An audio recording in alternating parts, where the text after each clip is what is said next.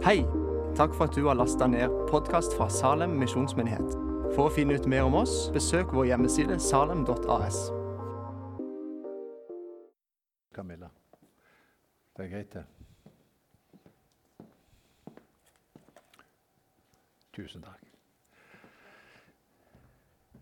Ja, god formiddag. Skal vi se Skulle jeg ha flytta litt på den der, der, kanskje? Så dere ser oss. Det er mye rigg når vi skal gjøre noe som er litt Hva sier dere som sitter på hjørnet der nå? Ser dere oss? Anette?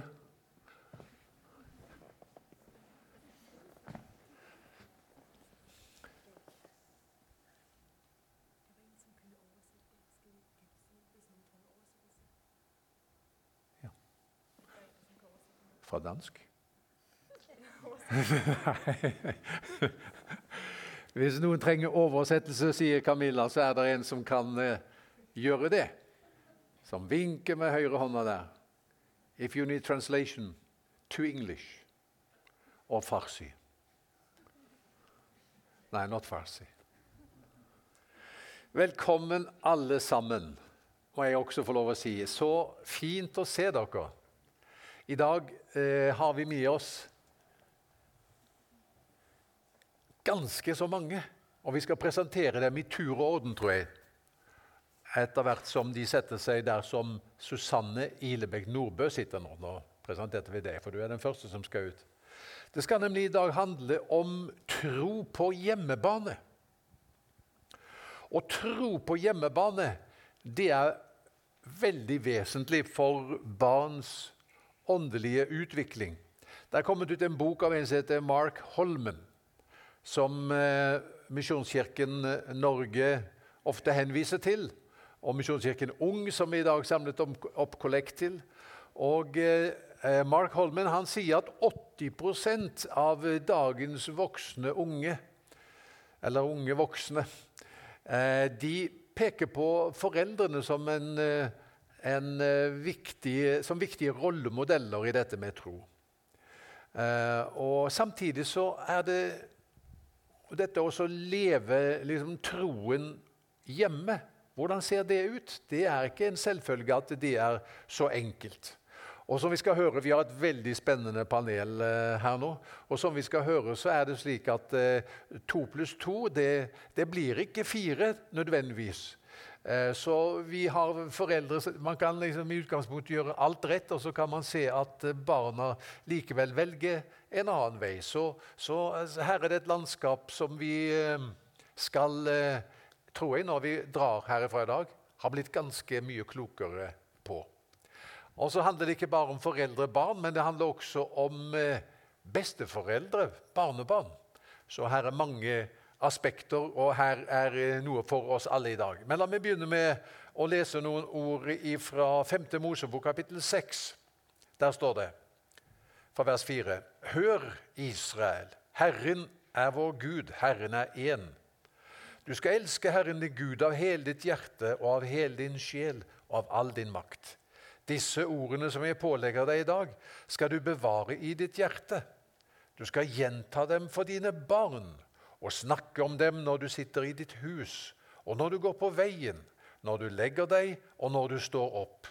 Du skal binde dem om hånden som et tegn og ha dem på pannen som et merke. Du skal skrive dem på dørstolpene i huset ditt og på portene dine. Ja, Dette avsnittet understreker jo betydningen av eh, tro på hjemmebane og hjemmet som en eh, arena for å leve ut eh, åndelige vaner. Så det er det det skal handle om i dag. Er dere klar?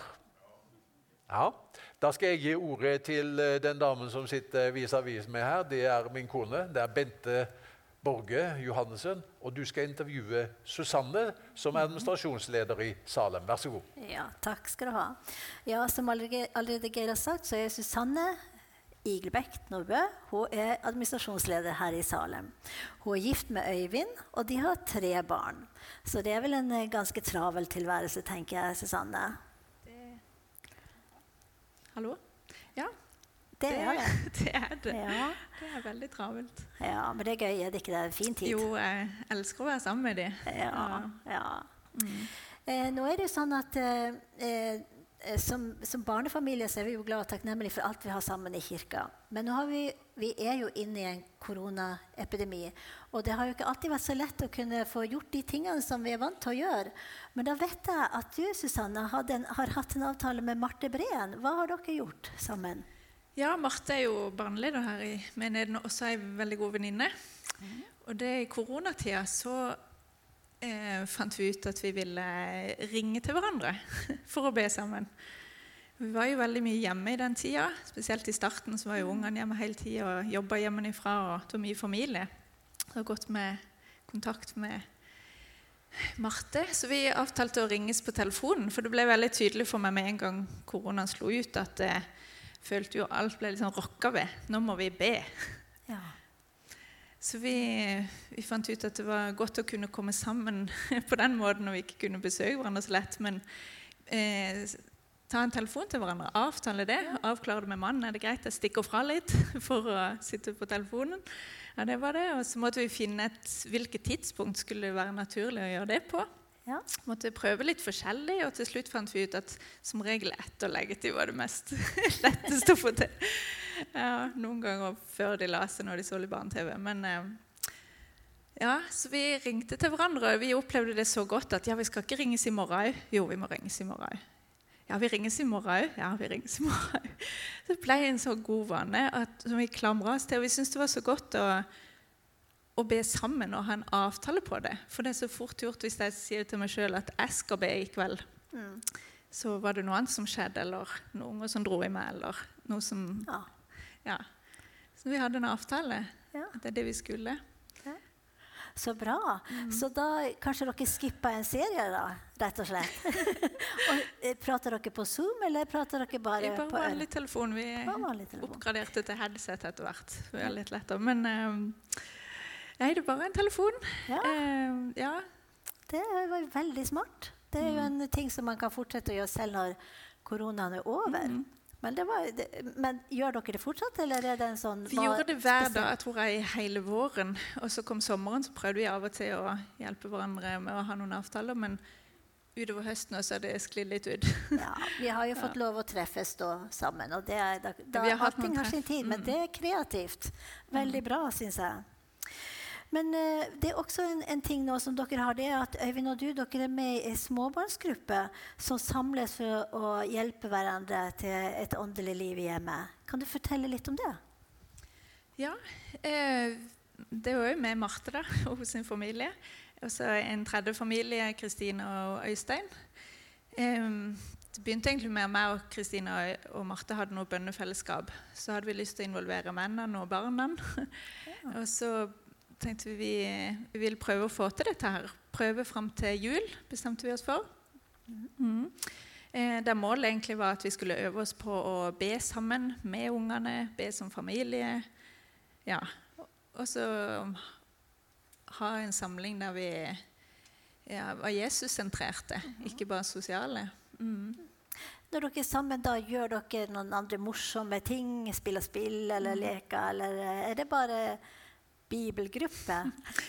Nei, vi kaller det familiegruppe, og så prøver vi å ha noe fast innhold hver gang. Så vi er fredagstaco. Ja. Samles på fredagene. Så da er det jo kaos med fem med, Vi er jo 15 stykk, da, tre familier, alle har tre barn, så vi er ni barn. Ja. Eh, ja. Så vi spiser først, og så bytter vi litt på. Nå har vi hatt det to ganger, da. Men eh, vi bytter litt på hvem som har hatt opplegget, og gjort litt forskjellig. Prøver oss litt fram. Ja. Så spennende sted. Mm. Det er en mulighet. og- så synes jeg det, det som jeg synes var fint, det var det at dere også har laget en tidsbegrensning for det.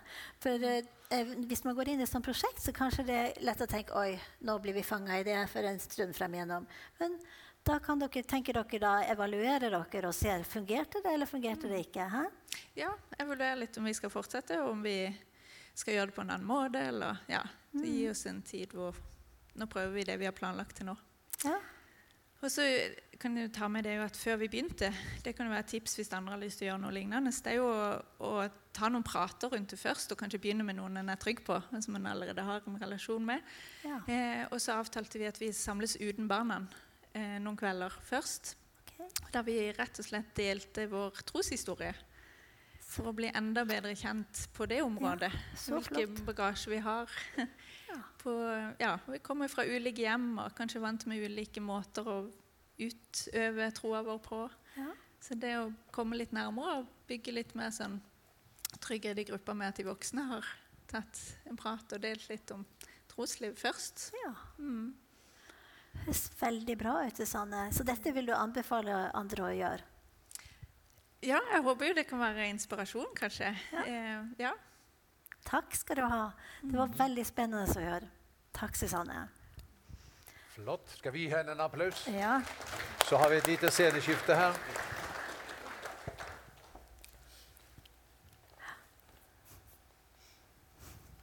Og nå er det Espen A.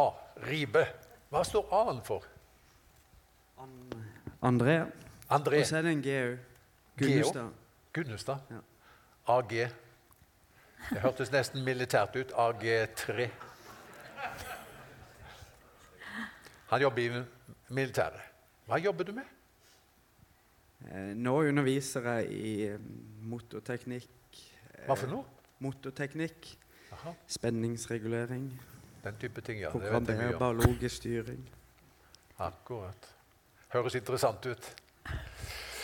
Espen, du sitter her av en helt annen grunn. Du er med i lederskapet i Salem. Du heter Ribe til etternavn. Og du er altså da i den situasjonen at eh, du har fire brødre. Der er fem totalt i søskenflokken.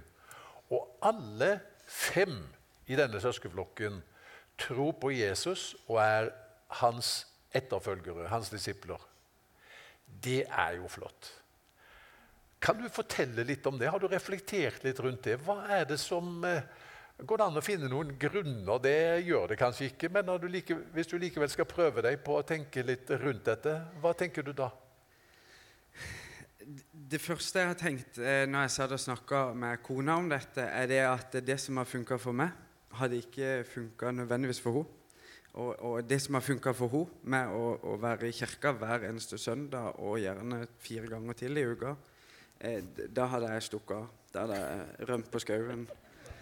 Ja, Eh, For slik var det ikke. Sånn har det ikke vært hos oss. Vi rømte heller på skauen. Eh, og så, eh, Pappa sa det at det er, det er bedre å sitte i skogen og tenke på Gud enn å sitte i kirka og tenke på skogen. Ja. Eh, så, og, og det har vært noe av greia eh, sto, eh, Samholdet i storfamilien. Eh, det er noe jeg har blitt veldig bevisst på når jeg er blitt eldre, at eh, eh, dette var jo ikke normalt for andre. At vi samles 20-30 stykk, eh, sikkert 20 ganger i året. 30-40 ganger i året. Oi. Så er vi samla, om det er på hytta, på brygga, om det er ute i Høvåg, eh, eh, og, og bursdagsselskap og alt mulig. Og, og det har vært veldig viktig at alle skal møte. Det er bare sånn det er. ja. Ehm, vi har ehm, vi har, når, når vi har vært samla, så, så om det er bursdag, så, eh, så Eddie, bestefar, han eh, finner fram Du ser han kommer av gårde med en svær koffert. Og da er det trekkspillet som skal fram. Og så kommer det hefter rundt til alle. Og, og, og da er det lovsang. I, I løpet av bursdagen så har vi litt lovsang. Og så deler en litt historie om det noen har opplevd i det siste. Om det er noen ønsker å bli bedt for, så tar vi gjerne det i en bursdag. Eh, eller om det er et juleselskap, eller om vi sitter på brygga ute i Høvåg, eller om vi sitter, har kjørt med snøskutene opp på heia og sitter 20 stykk der, så tar vi gjerne og ber litt og synger litt. Eh, Og det samholdet, den tryggheten rundt det å, å vite hvor de andre står, det, det tror jeg bare har eh, kommet naturlig for oss. Eh, andre ting som, eh, som er Det er jo mamma og pappa. Det forbildet de har vært overfor oss. Det, eh, den nestekjærligheten de har hatt. Eh, jeg har et eksempel. Jeg, altså, jeg husker ikke så mye fra det, annet enn at det dukka mye mennesker opp som jeg ikke visste hvem var. Eh, som plutselig så var det noen ekstra unger hjemme. Pappa fikk en ny en som var med ham på jobb og greier. Han ene eh, som, som de eh, ønska å hjelpe, han, eh, han kom ofte og leverte ungene til mamma, som var hjemmeværende. Og så ble han med pappa på jobb for å lære dette, for å få seg en ny start på livet. Mm. og dette var noe de gjorde bare fordi de ønska andre godt. Eh, og det ser jeg det, det har betydd mer i etterkant. Altså Det Ja. betydde sikkert mye da òg, men, Ja. men eh, det er at de har et veldig stort hjerte Ja. for å invitere med seg folken Kanskje helst ikke ja, Det var ikke de en hadde stå, som sto på toppen av lista, som regel. Nei. Eh. Ja det, det, Jeg har mange punkter. Ja, så, men, altså Tro på hjemmebane det var ikke nødvendigvis at eh, hvis jeg hører det riktig, at de dro deg med på Eller dere fem da, på møter hver søndag. Men troen men Selvfølgelig det også, men, men det var også andre elementer. Og da har du nevnt at, eh, at de inkluderte mennesker som, eh, som hadde behov for fellesskap, rett og slett. Ja. Og, og hva andre ting husker du? Eh, det å invitere med seg Jesus på det vi skal gjøre, eh, har betydd mye. Ja. Eh, for han syns det er like kult å stå på snowboard som jeg syns. Ja. Eh, så han må selvfølgelig bli med på det. Eh, og han må bli med på alt. Sånn at eh, Jeg tror ikke vi har reist en plass uten at vi har bedt for det. Ja. Og invitert han med. Eh, og det, det har bare vært en selvfølgelighet som, som er, vi har tatt med oss videre. Mm. Eh, Men Espen, eh, det er et engelsk ordtak som heter 'It takes a village to raise a child'. Og Hva tenker du om det? Altså, Mamma og pappa de var viktige rollemodeller. Men eh, hva med storfamilien, hva med venner? Du har kanskje tangert det allerede så vidt? Ja, eh, storfamilie det er vi, vi er 37 som er i sånn nær familie, eh, som er kristne. Som er kristne. Ja. Ja. Eh, og jeg vil påstå å si at de er veldig bevisste kristne. Ja. Eh, så så hvis en lurer på noe, så, så finner en en som, kan, som er veldig god på det en lurer på. Ja. Om en trenger å vite noe om, eh, om eh, Den hellige ånd, så kan en gå til en. Og hvis en trenger å eh, vite hvor ting står i Bibelen, så har vi noen. Sånn at en har den tryggheten rundt seg hele tida. Eh, men, men Skal vi se vi, vi, har jo vært, vi har jo vært heldige. Det var jo ikke, det var jo ikke vi som valgte besteforeldre. Nei. Eh, inspirasjonen fra Eddie og Lilly med, at, eh, med det å dele troa, om det er fordi Eddie har sett et eh, radioamatørskilt i, i Hongkong og banka på der og, og kom inn. og eh, Det var en fyr som var radioamatør som han var, og, og da inviterte Eddie han med på møte. og Plutselig så var det en til som ble kristen fordi han så dette skiltet. Til eh, Torleif og Haldis, som eh, hadde veldig fokus på det å, å vise at hvor mye jeg var verd. Ja.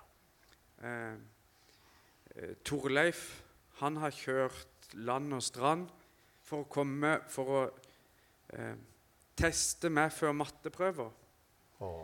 Så han har kjørt mangefoldige timer bare for å sjekke om jeg kunne fem ganger seks. Sier du det? Ja. Og det, det at en vet at en er verdifull, Ja. ja. eh, det gjør noe med, med samholdet. Fantastisk.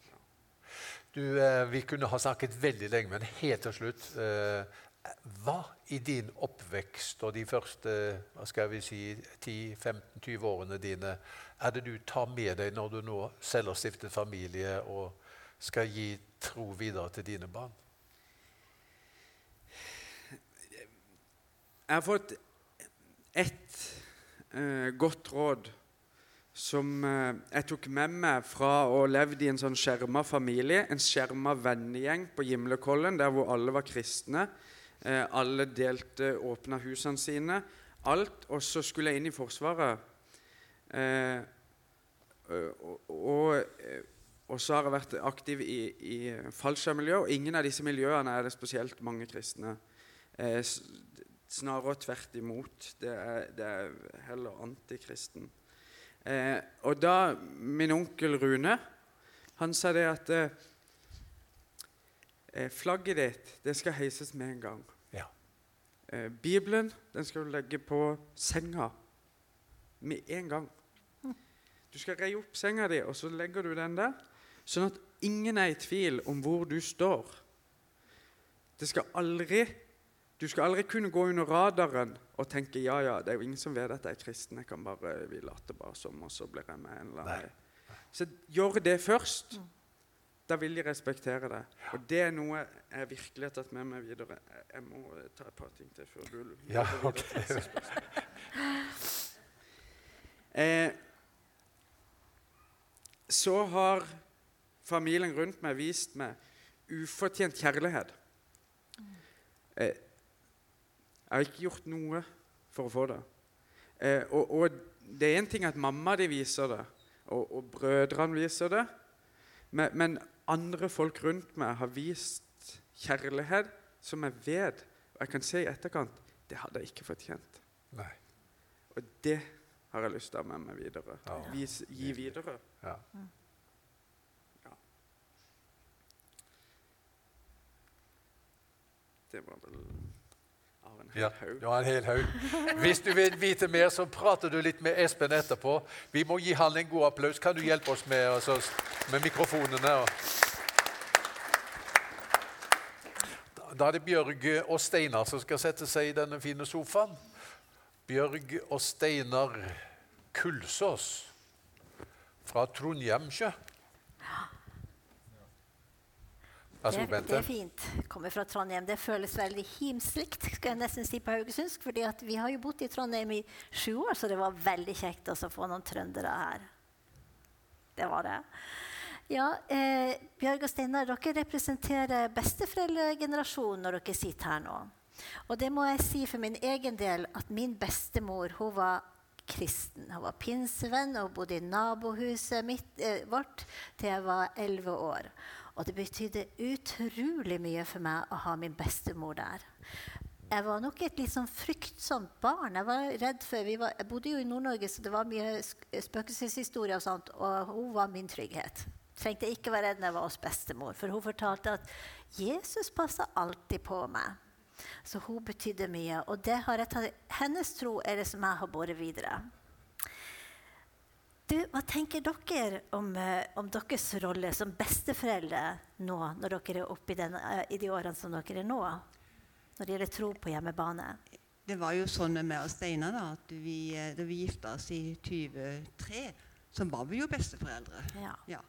Jeg hadde med meg fire barnebarn, og Steinar hadde tre. De var sånn omtrent på samme alder. Mine var fra ni, sju, fem og tre, og Steinar sine var tre, to, og fem, tre og ett og et halvt.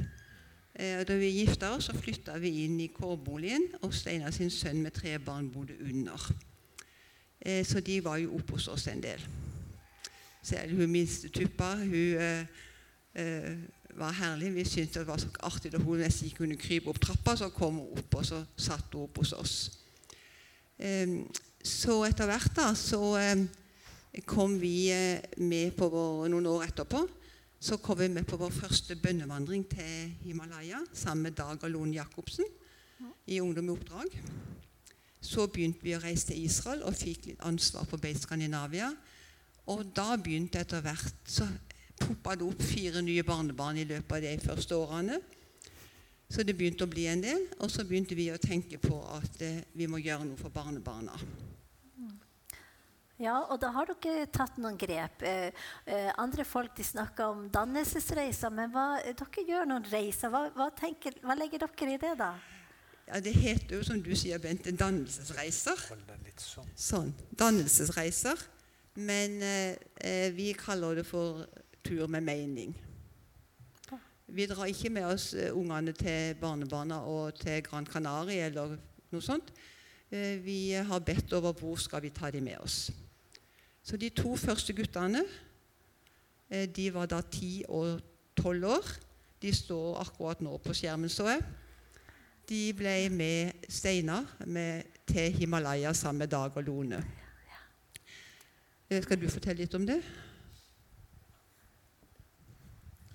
Ja, det var sikkert en opplevelse for de to guttene. De var som sagt ti og tolv år.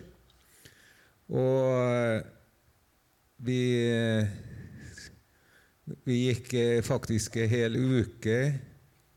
Vi lå i telt oppe i fjellene der. Og Dag og Lone hadde jo to gutter som var jamgamle med de to guttene jeg hadde med meg. Og de fire de lå i det nyeste teltet som eh, Dag og Lone hadde. De, hadde, de har jo norsk eh, utstyr, kan vi si. Ja. Telt fra Norge og soveposer og litt forskjellig sånt. da. Så Nei, det, det, Bønnevandringene var jo spesielle for eh, de guttene. Og den opplevelsen de fikk, det husker jeg på resten av livet, tenker jeg.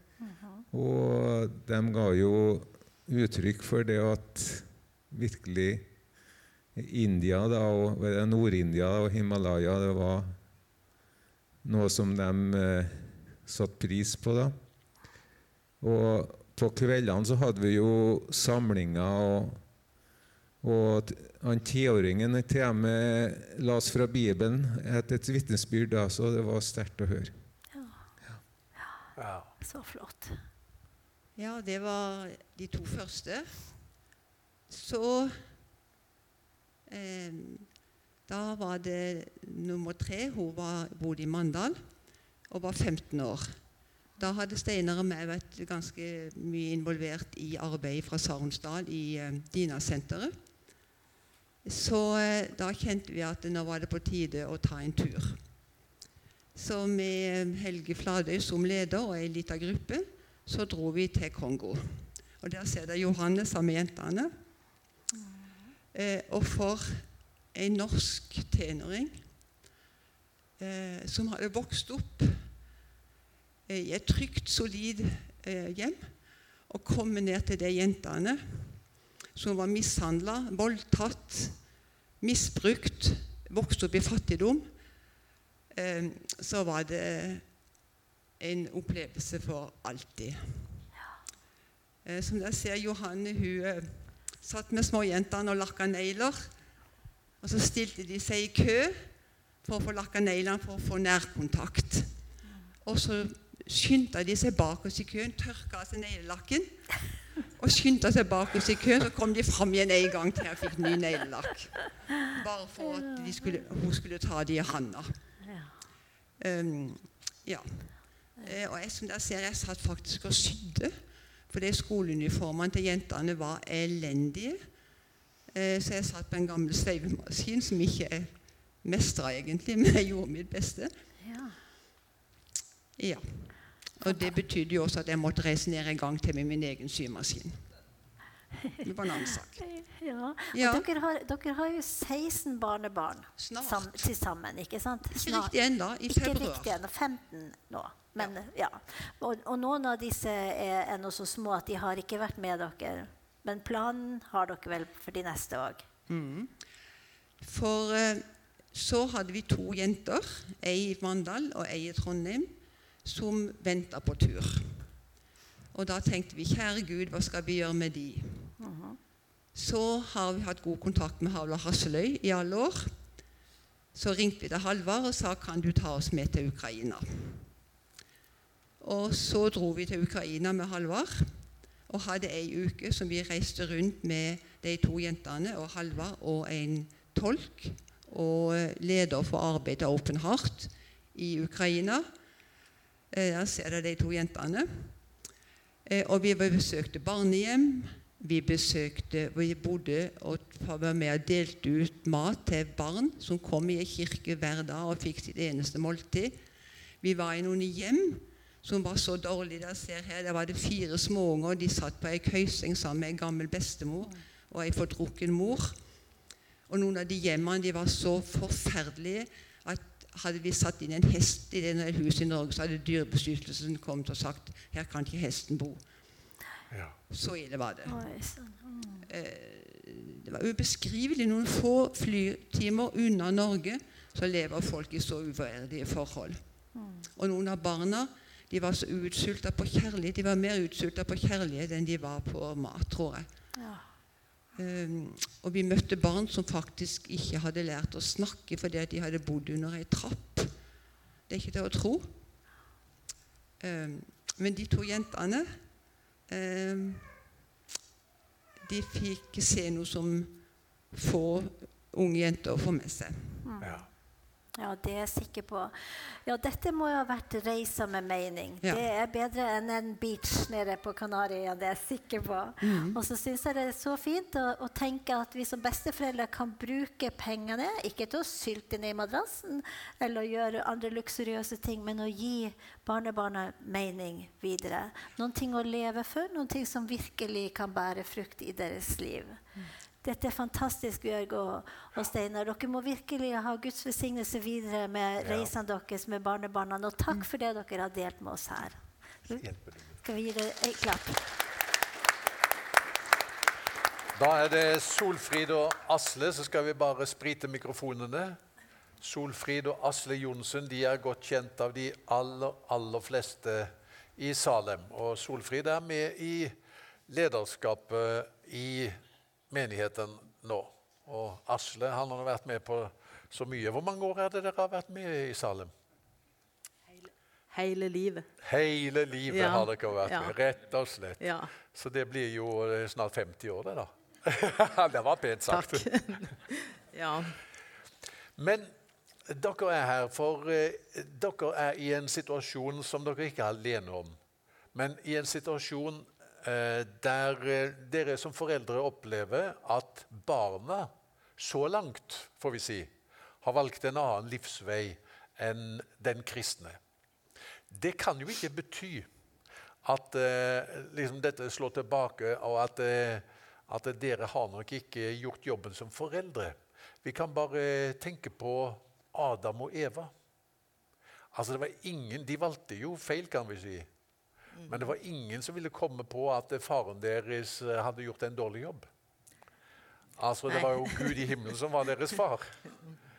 Så, eh, så det betyr ikke nødvendigvis det. Og det var noe Espen var inne på i stad òg. At eh, eh, her er det ikke sånn at eh, hvis vi bare gjør sånn og sånn, så er det automatisk gitt at barna går på den kristne veien. Men det ville være veldig interessant å høre. Hvilke refleksjoner Solfred Solfrid og Asle, har dere gjort eh, rundt dette med tro på hjemmebane? ja. Først så har jeg lyst til å si til Eddie at det gjør meg godt å se familien Ribe, som er så trofaste i Salem. Det har jeg lyst til å si. Og så må jeg jo si til deg, Olaf, at du ødela litt balansenervene, balansenervene mine når du kom med det innledningsordet om den bortkomne sønn. Jeg kjente at vi representerer jo egentlig de her i menigheten som har bortkomne sønner. Og jeg tror jo faktisk vi er noen stykker. Ja. Ja. Og det er jo klart at uh, man gjør seg jo noen refleksjoner. Jeg syns jo Asla og oppførte oppført oss ganske greit. Og, og, og eh, du gjør noen refleksjoner på hvorfor dine barn gjør andre valg. Og, og eh, du kan tenke mange tanker, og uh, du finner kanskje ikke så mange svar. Men i alle fall, når vi ble spurt om å delta her, så, så var alle, hele familien vår samla på Lund, eller hos oss. Og så sa jeg til de at eh, vi skal ha sånn panelsamtaler i Salem eh, som går på dette med tro i hjemmet. Eh, og så skal familien eh, Ribe være med. Og da tok de han med en gang. når de skjønte at du skulle spørre oss. Altså, Ja. De tok poenget, for å si det sånn. tok poenget. Ja. Eh, de var veldig positive, Ja. og de trodde de skulle være med, de òg. Oh. Ja, men eh, gang, det Solfrid. hadde blitt litt for mye for meg. Men eh, for å si det sånn, så fikk vi en fin eh, samtale om disse tingene.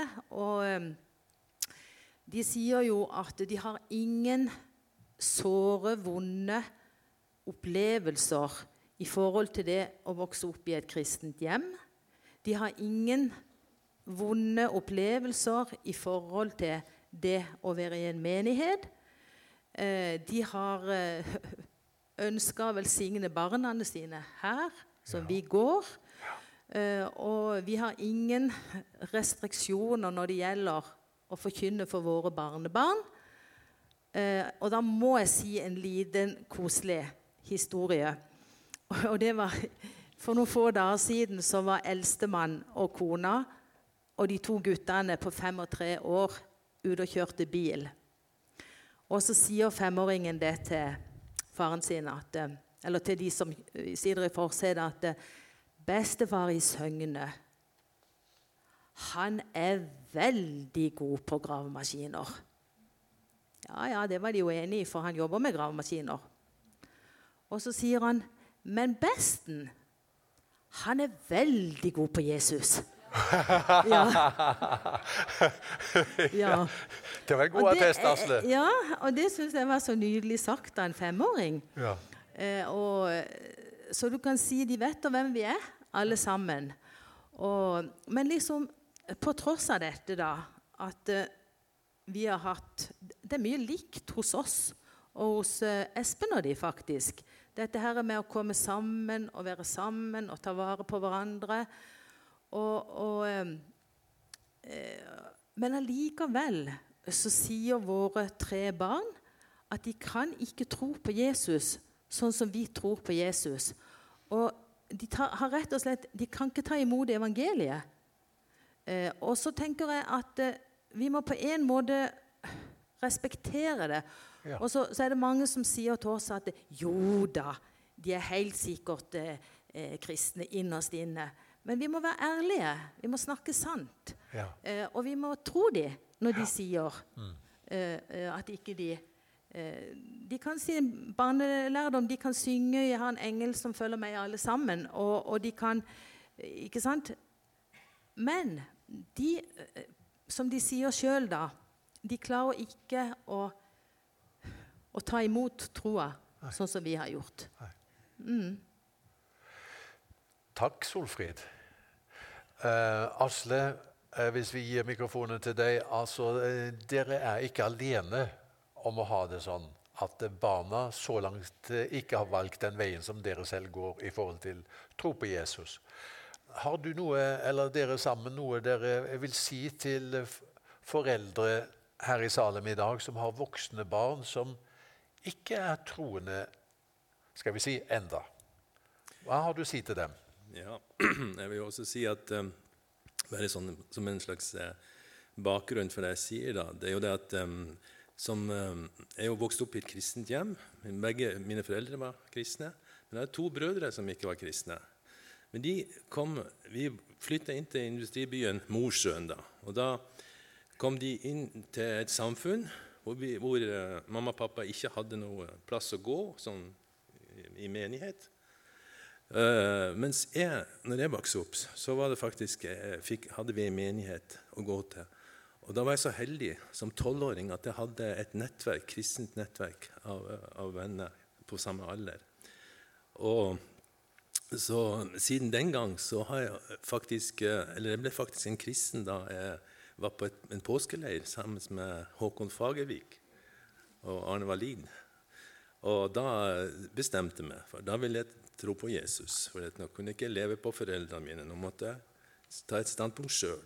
Og det har holdt siden den gang. Og um, jeg har ikke hatt noe problem med å, å fortelle hvem jeg tror på. Og, ja Jeg vil ikke, jeg vil gjerne unngå det her med følelser. Jeg skal prøve å holde meg nøktern. Nei, altså, så, så tenker en jo Så Når han har hatt det så greit som, som en uh, ung kristen. Vært på leirer og opplevd masse. Og så, og så treffer Solfrid, så får vi barn, og alt ser ut til å gå veldig greit. Og alt. Og så kommer det et, et tidspunkt hvor eh, barna våre eh, ja, ikke vil det som vi gjør, vil. Og det kan være vanskelig, i hvert fall for meg.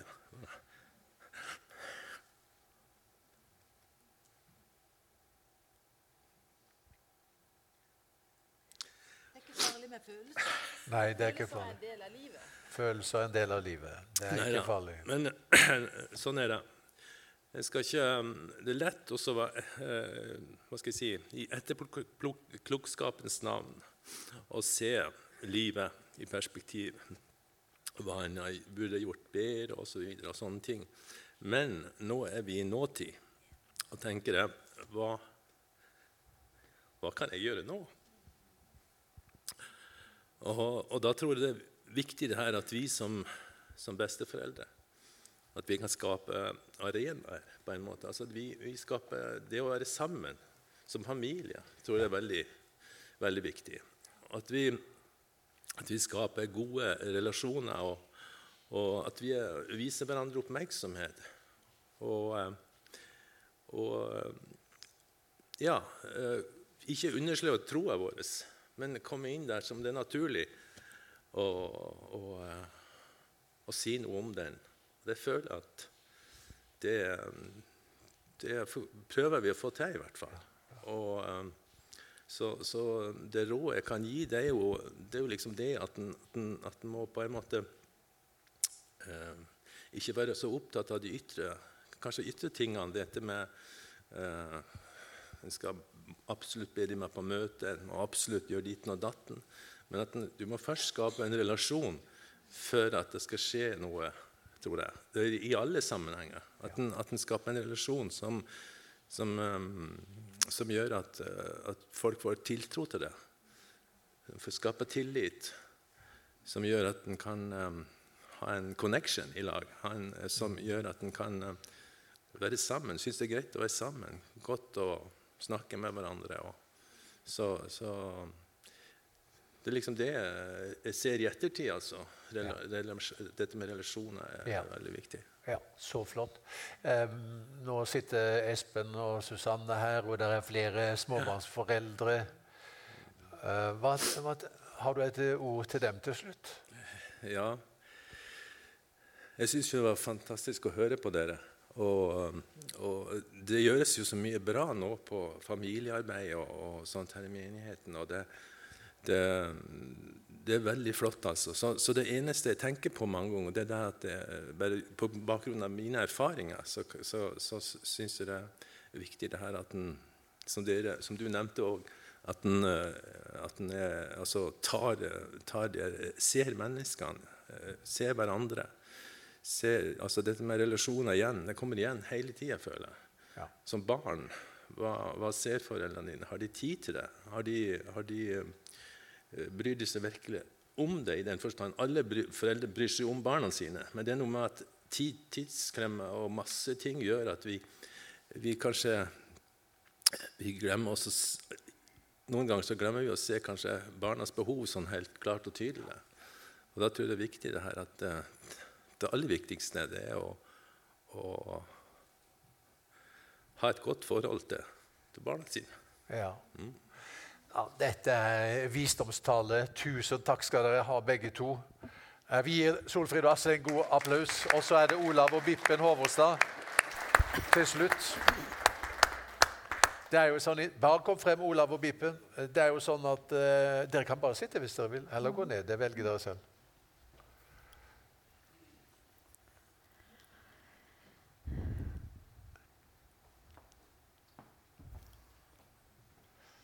Olav og Bippen, ja. Håvåstad har også vært med i menigheten i ganske mange år etter hvert. Jeg vet ikke hvor mange, men eh, Bente, det er Ja. du som skal samtale med disse to. Ja, du, eh, Bippen sier hun har vokst opp i Salem. Ja. Så flott.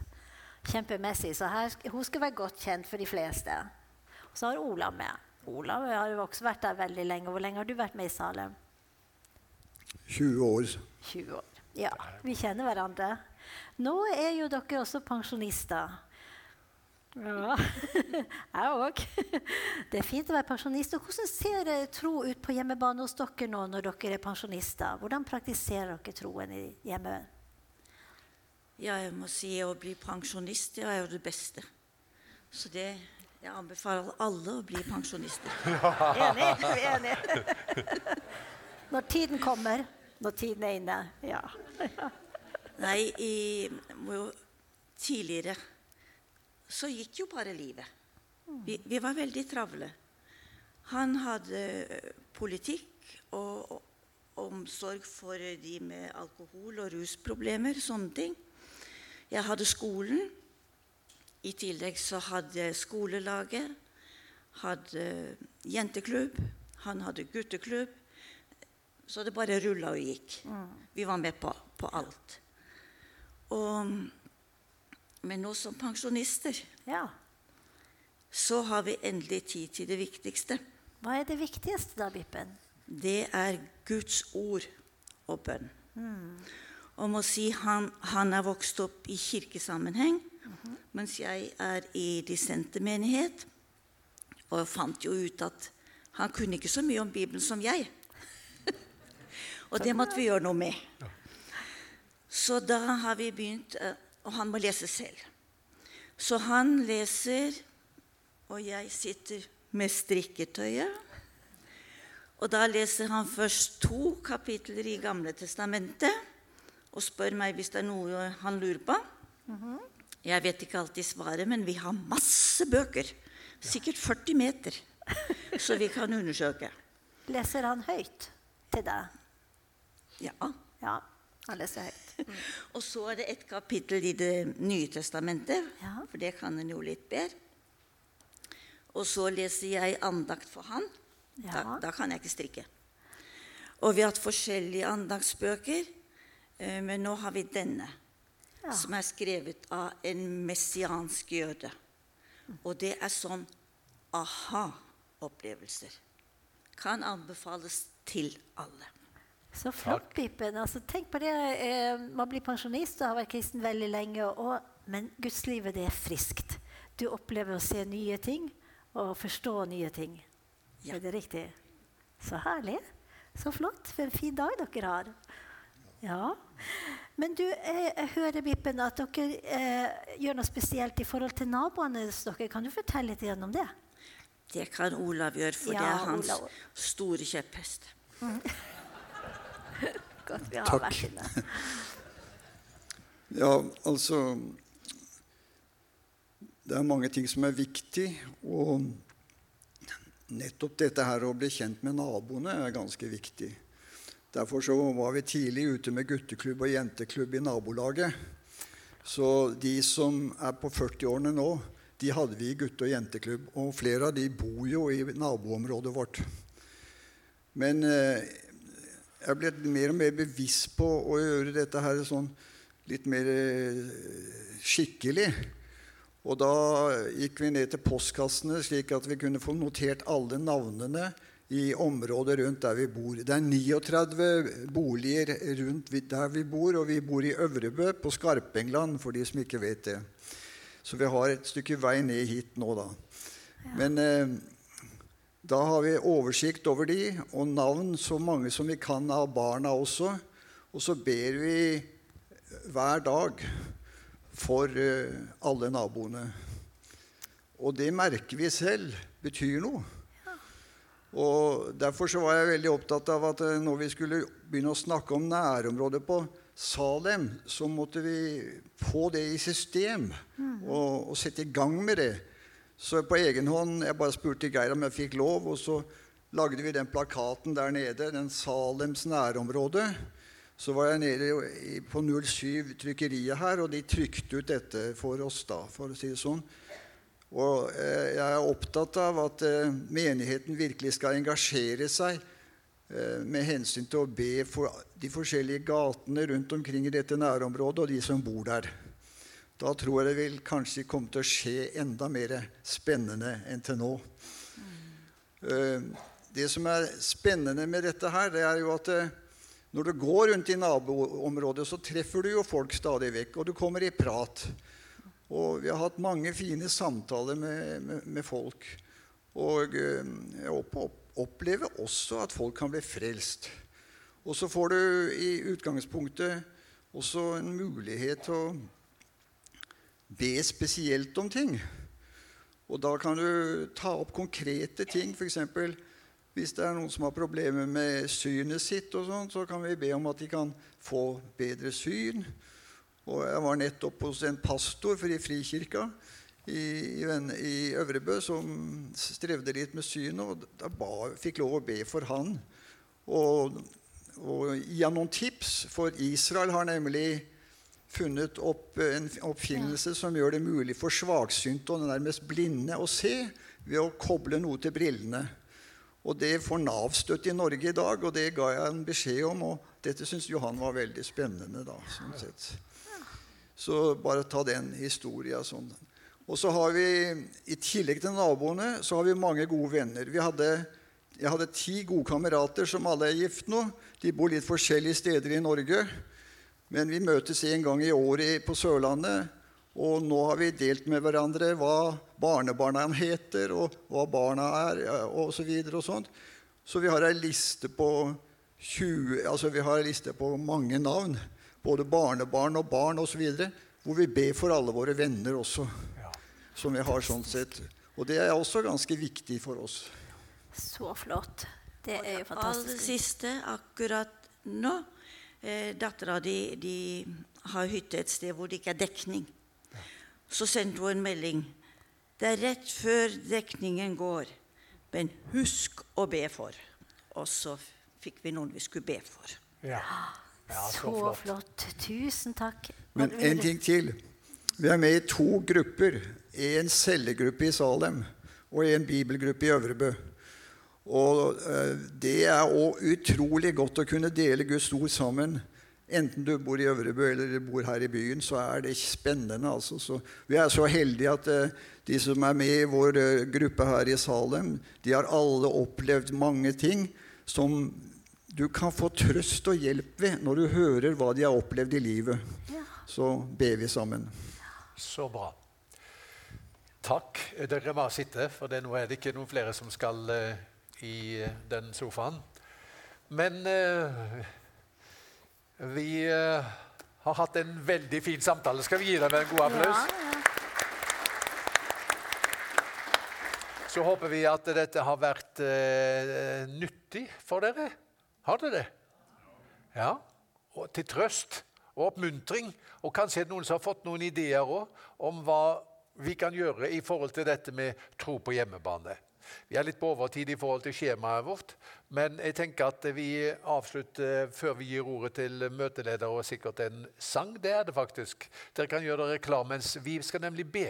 Og da vil Bente be for alle besteforeldrene som er her. For det er en del besteforeldre her.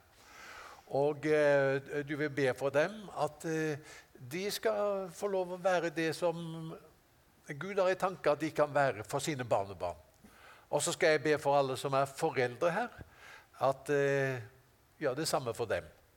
At eh, de kan også finne en vei, som eh, Susanne skisserer her, i forhold til dette å bygge gode åndelige vaner hjemme. Men Bente, vær så god først. Ja, vi takker deg, far, fordi at vi får lov å leve i ulike tider i vårt liv. Og Herre, vi takker deg for de som har fått uh, lov til å bli besteforeldre. De som har fått lov til å få tid til både bønn og til å ta seg av i omsorgsoppgaver. Herre, jeg ber deg om at vi må se med dine øyne. Lær oss å se barna med dine øyne. Se de mulighetene som vi har i dag. Hjelp oss og gi oss bønnens ånd, Herre, så vi virkelig kan be og vi kan dele ditt hjerte. Og gi oss stor frimodighet til å forkynne til barnebarna. Herre, vi takker deg for den velsignelse som barnebarna er. Takk for den gleden som de gir oss tilbake til oss. Herre, takk for den gleden og det livet vi ser i deres øyne og deres hjerter. Og vi ber for alle barnebarna som er representert her, Gud. Vi ber om at hver enkelt av dem må få lov å møte deg. Vi takker deg for du er en bønnhørende Gud, og det er makt i de foldede hender. Takk for at vi kan si eh, så, om de ikke er der nå, så kommer det, Herre. For vi ber for dem, og du har lova å svare på bønn. Takk for det ønsker du. Du ønsker å uh, hilse barna velkommen inn i ditt rike. Vi velsigner alle besteforeldre som er her i Jesu navn, til å være et vitne og være en kanal for din kjærlighet. Amen. Så takker vi deg, Herre, for at vi også kan uh bringe alle foreldre fram for deg. Takk for den eh, gave som du har eh, gitt dem ved barna de har fått. Og vi ber at de skal få lov å være gode rollemodeller, gode foreldre, eh, som har tid for barna, elsker dem med ubetinget kjærlighet, og gjennom sitt liv og eksempel vise hvordan det går an å leve under en åpen, solfylt himmel av eh, kjærlighet fra deg. Takk at du er med dem, Jesus. Takk at uh, denne tiden når de har barna små hjemme, skal bli en gyllen tid. det er travelt, det er krevende, det er mange ting som skjer. Men la det likevel være en gyllen tid der de får oppleve uh, sødmen ved også denne fasen av livet, og ditt nærvær og din hjelp gjennom det hele så ber vi for oss alle. Fordi vi alle kjenner noen som vi kan være noe for. Enten vi er foreldre eller besteforeldre, tanter eller onkler eller hva vi er. Du ser oss alle. Så hjelp oss å være bevisst at vi hver på vår måte kan bety noe for noen andre. Og vise dem kjærlighet og oppmuntring og godhet i ditt navn. Det ber vi deg om. Amen. Ja. Da skal vi eh, ha et lite sceneskifte, sånn at disse får lov å synge fra mikrofonstativene som står her. Men det